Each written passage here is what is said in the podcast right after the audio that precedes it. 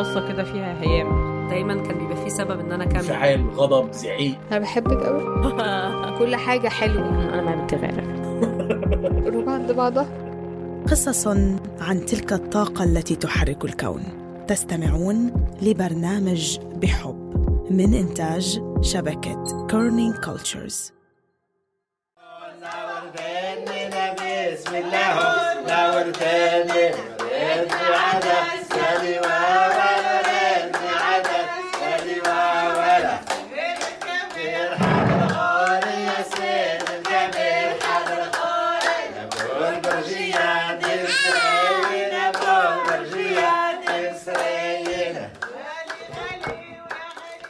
شنو؟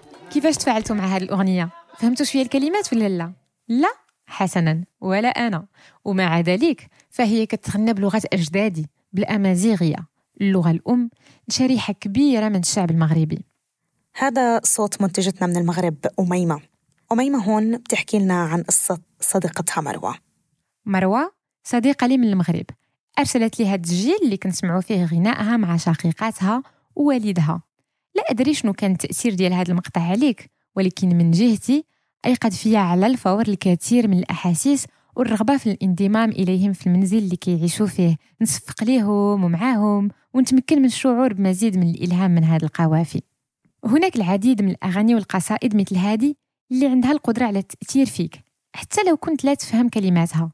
إيقاعات يمكن تجعل شعر جسدك كيوقف وكلمات يمكن تخليك تبتسم. ومع ذلك يهرب منك معناها من خلال قصة مروة رح نشوف الفقدان اللي بيشعر فيه كتير من أبناء جيلها من العائلات الأمازيغية كله بسبب سياسات التعريب.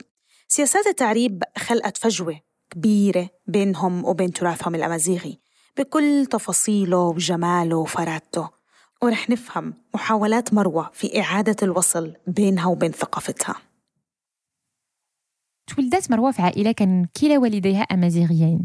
لكن من مناطق مختلفة وكل واحد فيهم كيتحدث بلهجة مختلفة. فاختار الأبوان تعليم كيجمع ما بين العربية والفرنسية والإنجليزية لأطفالهم. كما هو الحال بالنسبة لي والعديد من الشباب من الجيل الجديد اللي نشأ في بيئة متمدنة. ذهبنا إلى مدارس كان التعليم فيها بشكل أساسي باللغتين العربية والفرنسية وشاهدنا التلفزيون بهاتين اللغتين دون أن ندرك تماما شنو اللي جعل ارتباطنا بثقافتنا الأصلية الأمازيغية غائبا وضائع. كبرنا في مزيج من اللغات في المنزل ديالنا كنا كنهضروا بالعربية الدارجه وكنا كنهضروا بالفرنسية. جدة ديالي جدتي حنا من جهة ماما ريفية. كانت عندها سهولة تهضر بالريفية. واللي ما بيعرف إيش يعني تهدر تهدر معناها تتكلم أو تحكي. مروة بتحكي إنه جدتها كانت بتتكلم بالريفية واللي هي لهجة من لهجات الأمازيغية وشوي بالعربي. كانت عندها اللغة العربية ماشي سلسة بحال بالنسبة لنا. كانت كدير المجهود باش تهضر معنا حنا بدارجة ولكن بعض المرات فاش كنا كنكونوا عندها في الصيف وكاينة العائلة ديال ماما اللي هما ريافة وكيهضروا بالريفية اللي هي اللغة ديالهم الأولى واللي هي متعودين أنهم يتكلموا باللغة ديالهم ولكن للأسف ما عنديش معرفة كبيرة باللهجات بجوج شلحة ولا الريفية. وديما كنحس بأن كاين خصاص بالنسبة لي كاينة شي حاجة اللي ناقصة باش نقد نكمل القصة ديال عائلتي والقصة ديالي والقصة ديال الإرث ديال عائلتي. فقبل ما نتعرفوا أكثر على القصة مروة وذكرياتها مع العائلة ديالها وعلاقتهم الخاصة مع هذه اللغة نعطيكم فقط بعض توضيحات سياقية سريعة. الأمازيغيين موجودين في عدة دول في منطقة بتمتد من المحيط الأطلسي إلى واحد سيوة في مصر وبالمغرب في أكثر من 100 قبيلة أمازيغية موزعة على ثلاث مناطق. ومع ذلك على الرغم من أن المغرب هو البلد المغاربي اللي كيضم أكبر عدد من الأمازيغ إلا أن هذه اللغة لم يتم الاعتراف بها كلغة رسمية للمملكة حتى العام 2011 بعد عقود من النضال من قبل نشطاء القضية الأمازيغية. بشكل ملموس أدت سياسة التعريب اللي كانت سارية حتى ذلك التاريخ يعني حتى عام 2011 إلى الغياب التام للغة الأمازيغية من نظام التعليم والإعلام الوطني والإدارة. وبناء على ذلك كان في تداعيات كتير كبيرة على حياة الناس اليومية مثل عدم قدرة بعض الأزواج على إعطاء مواليدهم أسماء أمازيغية مثلا أو حتى تسجيلهم في سجل الأحوال المدنية بدون تغيير الأسماء لأسماء عربية متداولة. حبيت نعرف المزيد عن علاقتهم بهذه اللغة في عائلته والمكانة اللي كتحتلها في منزلهم. فحكات لي مروة أنها فاش كانت هي وإخواتها صغار كان الحسين كيشتغل على الإجازة ديالو. وكان دائما صوت أسطوانات مسجل عليهم شعر أمازيغي حاضرة في المنزل وكيشغلها مرارا وتكرارا حتى كيقوم بالترجمة ديالها. من الذكريات أيضا اللي شاركتها معايا مروة كيفاش كان دائما أبوها الحسين كيلح على سرديد أشعار أمازيغية في البيت وكانت كل مناسبات فرصة للغناء والاحتفال. وهذا الشيء ما تغيرش بزاف مع مرور الوقت. على أننا لأن من الصغر ديالي وكنغني لكم نتوما وكنحاول نعلمكم بسم الله ناور ثنينا بسم الله ناور ثنين أريد معادس يا ديوا نريد معادس يا ديوا بحال دابا هاد الأبيات الشعرية غير جوج ديال الأبيات الشعرية صغيورين. كنت دائما كنرددهم وكنقول لهم لكم لا وواحد البيت شعري كنت قلت لكم وسجلتيه ما واش عاقله عليه تخدا في خدايا يزما يزما زيزا يدمرا تخدا في خدايا يزما يزما زيزا يدمرا زيخدا حجة من عيشة يا إذا نيتي تكيدا زيخدا حجة من شوميشة إذا نيتي تكيدا إذا بحال هاد الأبيات هادو كنت كنرددهم قبالتكم وكنشطح معاكم وكان هذا ربما هذا راجع لي أنا كمغربي ربما كنت كنبغي هذا الفن هذا وكنت كنطمح باش نتعلمه باش هذا وربما هذا راجع عاوتاني شخصيتي أنا كمغربي.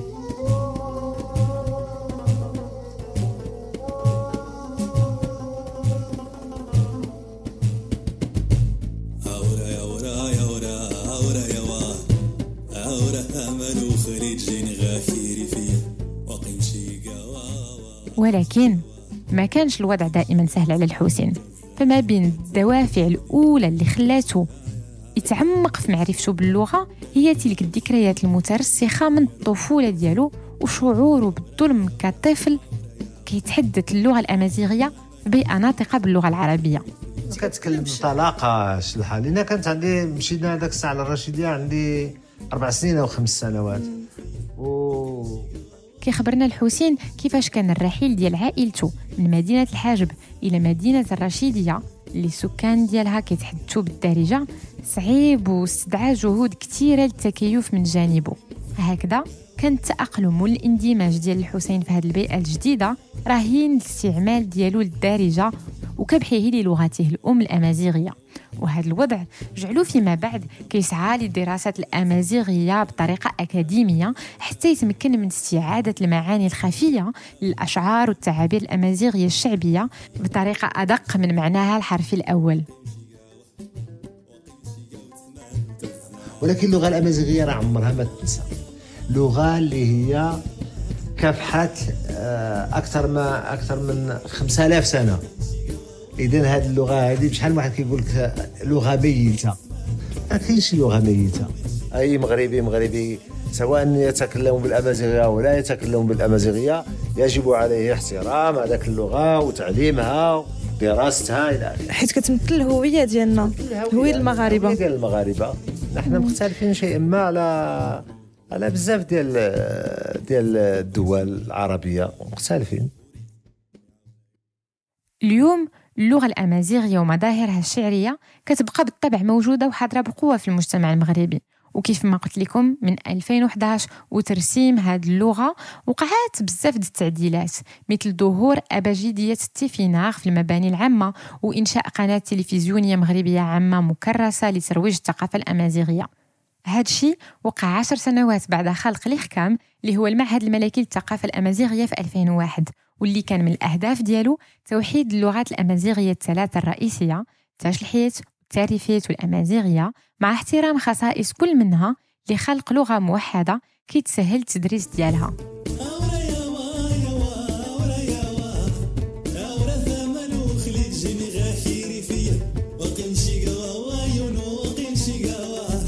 في عائلتي بحال ديما كنشطحو ديما كنرقصو ديما كنغنيو. واخا حتى واحد فينا ما عنده صوت زوين.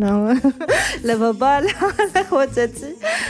في عائلتي كنغنيو بزاف وكنرقصو بزاف على الأغاني الأمازيغية في العراسات ولكن كذلك في الدار.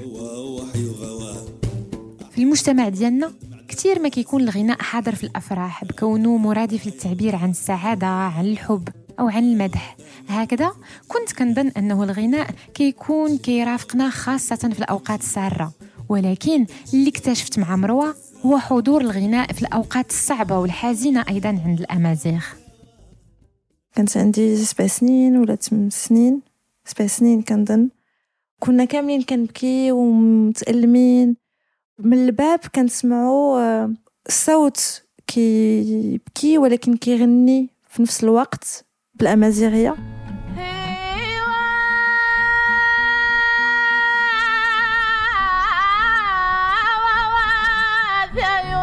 بواحد الطريقة اللي آه، قوية وجميلة.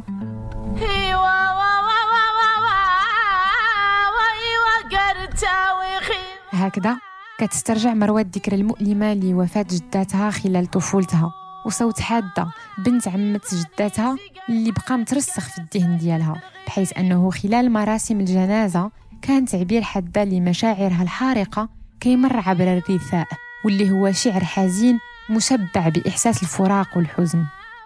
الحرقة آه، ديال الفراق وكانت آه، كتعبر على الألم اللي كانت تحس به وكانت كتعبر على شنو شاركوا من من أوقات جميلة ومن أوقات اللي كانت صعيبة كذلك وكانت الطريقة اللي كانت كتبكي بها بالكلمات وبالرنة ديال الكلمات كانت عندها واحد الطابع رائع. سولت بابا شنو كتقول خالتي حتى شنو كت علاش كتغني؟ وحنايا في دار العزا بابا قال لي كتعبر على شنو كتحس به. وبأن في الثقافة ديالنا حاجة عادية أن المرأة ولا من الرجل يعبروا بأبيات شعرية وبكلمات مخدومه آه، على شنو كيحسوا به. يمكن يهضروا على الحب يهضروا على الموت يهضروا على السياسة يهضروا على آه، الدين يهضروا على الإطلاق على يهضروا على المجتمع. كيف ما سمعتوا الأغاني والشعر الأمازيغي حاضرين في جميع المناسبات وبالضبط في البيت مروة ووسط عائلتها كان الشعر الأمازيغي مكونة أساسية للهوية ديالهم ووسيلة للتعبير على مشاعرهم. فمن بين الأشياء اللي أثارت الانتباه ديالي وأنا كنحضر هذه الحلقة مع مروة هو تعبيرهم الدائم على الحب لبعضياتهم. كلمات بحال كنبغيك جو أو I love you حاضرة وكتردد في كل حديث. كتذكير للرابط الروحي والجسدي القوي اللي ما بينهم. ربما هذا الشيء يقدر يكون بديهي للبعض منكم ولكن في كثير من العائلات اللي كنعرف في المغرب إظهار المشاعر ووضع الكلمات الصحيحة عليها ماشي دائما من الشيء السهل خصوصا ما بين الآباء. غالبا ما كيكون واحد الإبكام لهذه الأحاسيس وتخصيصها ربما لحظات حميمية بعيدا على كل الآذان هذه المسألة حيرتني وسألت مروة كيفاش عاشتها من منظورها خصوصا أن الوضعية كانت شوية مختلفة في عائلتها. بحال اللي حكيت لك بابا وماما كانت عندهم آه، كلمات آه، تنحبك ولا كنبغيك حاجة اللي عادية وحاجة اللي سهلة اللي كاينة في الحياة اليومية ديالنا. حنا آه، ديما من صغرنا عندنا تنقولوا I love you so much وكنقولوها صباح وفي الليل البابا الماما بيناتنا أنا خواتاتي. سلام مروتي لاباس كي درتي. I love you so much حبيبة. الله يجعل بينا قبل 100 عام. الله يسهل عمرك حبيبة. ويفتح بيبها الخير في وجهك أنت وليدات المسلمين أجمعين. I love you so much هاني جيتي فنانه برافو. تبارك الله تبارك الله تبارك الله عليك. كان هذا صوت أم مروة. شوميسه الله يرحمها. وهي كتبعت أطيب متمنياتها وكتدعي لمروة كما تفعل دائما مترقبة غدا أفضل. donc والديا كانوا كي عندهم حاجة عاديه يقولوا بيناتهم بانهم كيتحابوا ولكن كانوا عندهم القاب لبعضياتهم كذلك كانوا تي تيقولوا شيرينو شيرينو جاية من chéri وإينو إينو اللي جاي من الأمازيغية واللي معناتو إلي ديالي آه mine كانت حاجة اللي كيقولوها في البيت ديالنا ولكن كانوا كيقولوها كذلك خارج البيت. والديا كانوا كيعبروا على الحب ديالهم آه، يوميا بالكلمات بزاف ولكن بالأفعال. للأسف توفيت شوميشة بعد صراع طويل مع المرض اللي استمر أكثر من ست سنوات بعد تطورات عديدة واللي كانت الانتكاسة الأخيرة فيها مهلكة. هكذا؟ حكت لنا مروة على كيفاش حتى في أصعب أوقاتهم كان الغناء وطريقة التعبير عن الحب والاحتفاء بالحياة اللي تعلمه من ثقافتهم الأمازيغية موجودة. بابا كان يوميا معها ويوميا كيقولها بأنها ما كانش أجمل منها بأنها قوية وأنها تقد تغلب على أي حاجة. وفي المرض ديالها هو فقد أكثر من عشرين كيلو. من بعد العملية الأولى ديال ماما وقع لها شلل في الوجه ديالها. نصف شلل. كونها كانت كتشوف كل نهار في عينين بابا الحب ديالو وفي تعبيره كل يوم. على كونها أجمل مرأة في, في الكون. شي حاجة اللي كت كتعاون أنها تكون قوة وأنها تستمر وأنها تقاتل. المكان ديال الكلمات والمكان ديال الشعر والمكان ديال الحب. خلاني نركز على الإيجابية خلاني نركز على الحب ونحاول نتغلب على الخوف. الخوف بأنني غنفقدها والخوف بأنها تمشي. بابا كان تيغني لماما كان تيغني لها كنت كتبتسم زخدا حجة من شومي زيداني تذكي ذا زخدا واللي كان جميل هو أنه حتى في الأوقات اللي كانت صعيبة وما كانش كتقد كانت فاقدة الوعي الشخص الوحيد اللي كانت كتستجيب لصوته هو صوت بابا. ما فهمناش علاش. وغالبا ما كان والد مروى الحسين كيغني مع الحرص على استخدام اسم والدتها شوميسة أو الشمس الصغيرة باللهجة المغربية في كل أغاني الحب اللي كان كيرددها. أه بابا كان تيغني لماما واحد الشعر أه أمازيغي. تقريبا يوميا. ماما سميتها شوميسة أه اللي معناها شمس صغيرة. هي اسم على مسمى. تمايز مازي زايد براد خدا في خدايا تمايز مازي زايد زخدا حجة من هذه الأغنية اللي كان كيغنيها الحسين لشوميسة أغنية أمازيغية واللي عندها عدة دلالات. الأغنية اللي كانت تغني بابا هي تيقول تخدا في خدايا يتما يزمع عزيزة يدمارة زخدا حجة من إداني تدكيدا زخدا حجة من شومي شيداني تدكيدا بمعنى لو كنتم تدرون يا إخواني وترون ما رأيته رأيت أسدا أزرق الصدر يضيء من بعيد وعندما اقتربت رأيت أنه كان وشم شومسة الذي كان يتم إنجازه الليلة. والطريقة اللي كانت يغني بها بابا الطريقة اللي كانت ينطق اسم الماما في البيت الأخير. كانت بمثابة تذكير بالنسبة لها بأنها قوية بأنها جميلة بأنها باهرة وأن في الظلام النور ديالها ما كيوقفش. لا شك أن الإشارة إلى الوشم في هذه القصيدة ليس شيئا عبثيا لأنه في الثقافة الأمازيغية يمكن أن يكون الوشم بمثابة تعويذة واقية. هاد الشعر والصوت ديال بابا والأغنية بأمازيغية كانت بحال نوع من الدعاء ونوع من الرجاء وفي نفس الوقت كان بمثابة صرخة حزن وصرخة كفاح وصرخة حرب. بالنسبة له كنا كنحاربو مرض.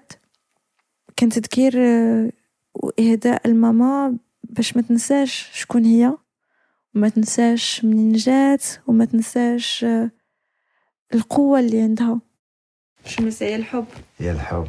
شمسة هي هي الحنان هي العطف شمسة داكشي اللي دوزنا أنا وياها راه تاريخ أكثر من 43 سنة ولا 44 سنة.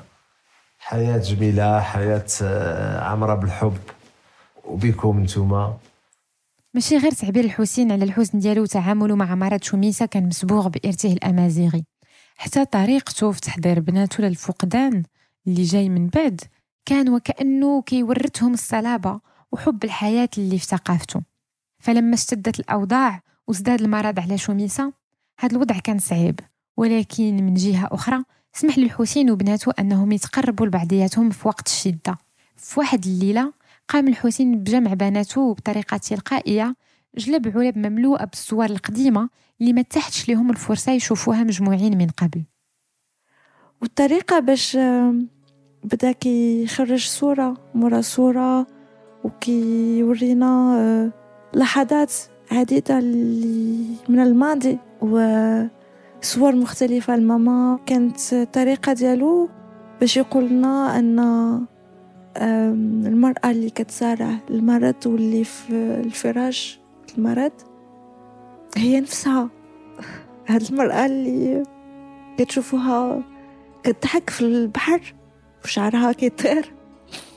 وهي نفسها هاد المرأة اللي لابسة القفطان ديالها وكترقص وكتشوف في الكاميرا حيت بابا اللي كيصور وهي نفسها الأم اللي قابطة في اليد ديال ريم وعهد وهما صغار. هي نفسها نفس المرأة اللي عروسة. بالرغم من المرض وبالرغم شنو غيقد يوقع غتبقى هي نفس المرأة. حتى لو غاب المعنى الأول الكلمات عن مروة فشعر والدها وصوته المرن فتح ليها ولإخواتها خطوة أولى نحو الشفاء وهدوء الروح رغم عسر الأوقات. وكأن عائلتها كتنخرط تلقائيا في استمرارية تاريخية طويلة للتقاليد الأمازيغية اللي كتعتبر الكلمات واستعاراتها الإيحائية أساسية في الحياة. وهذا الشيء اللي ربما مكن مروة من استخلاص الشجاعة اللازمة للتطلع لما وراء الحزن من قوى خفية.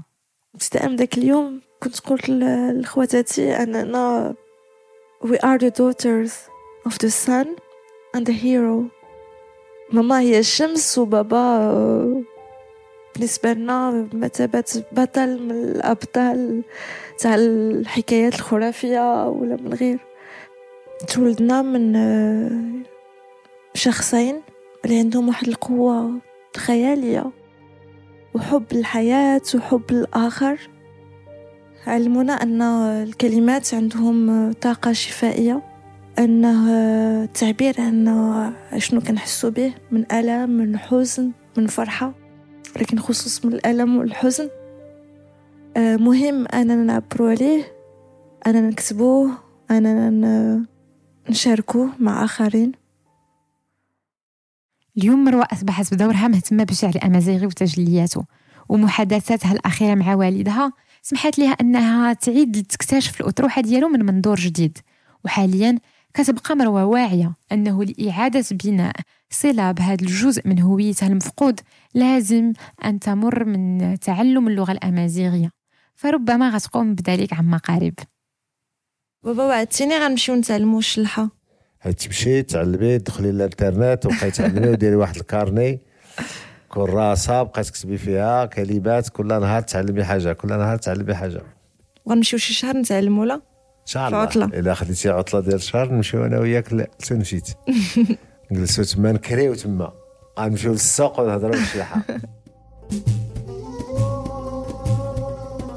هاي الحلقة من إعداد أميمة زكري أجراي شكرا لضيوف الحلقة مروة السراجي والحسين السراجي وكمان شكرا للدعم من أنا السدراتي الموسيقى اللي سمعتوها بالحلقة للفنان أيوب المشاط والمقتطفات بصوت سعيدة تتريت. شكرا كتير لإعطائنا حق استخدامها. المونتاج الصوتي والدعم التحريري للرائعة نادين شاكر والشكر موصول لباقي الفريق شهد التخيم هبة عفيفي مديرة التحرير وأنا شهد مضيفة البرنامج. التصميم الصوتي لفادي جرس. بنحب نذكركم إنه دايما تقدروا تتابعونا على الإنستغرام وعلى التويتر. في يوم ننشر قصص من وراء الكواليس وصور وحقائق. عن أبطال الحلقة أو حقائق استنتجناها خلال عملية بحثنا وإعدادنا للقصة آخر طلب للمستمعين إذا حبيتوا الحلقة شاركونا تقييمكم واتركوا لنا رأيكم التقييم والرأي كتير بسهل إنه الناس تلاقينا على منصات بودكاست أكتر شكرا لكل الدعم ودايما إذا حبيتوا الحلقة شاركوها مع الأصحاب والأحباب وما تنسوا تشتركوا بالقناة وتضلكم متابعينا بلاقيكم الأسبوع الجاي في حلقة جديدة من بحب باي باي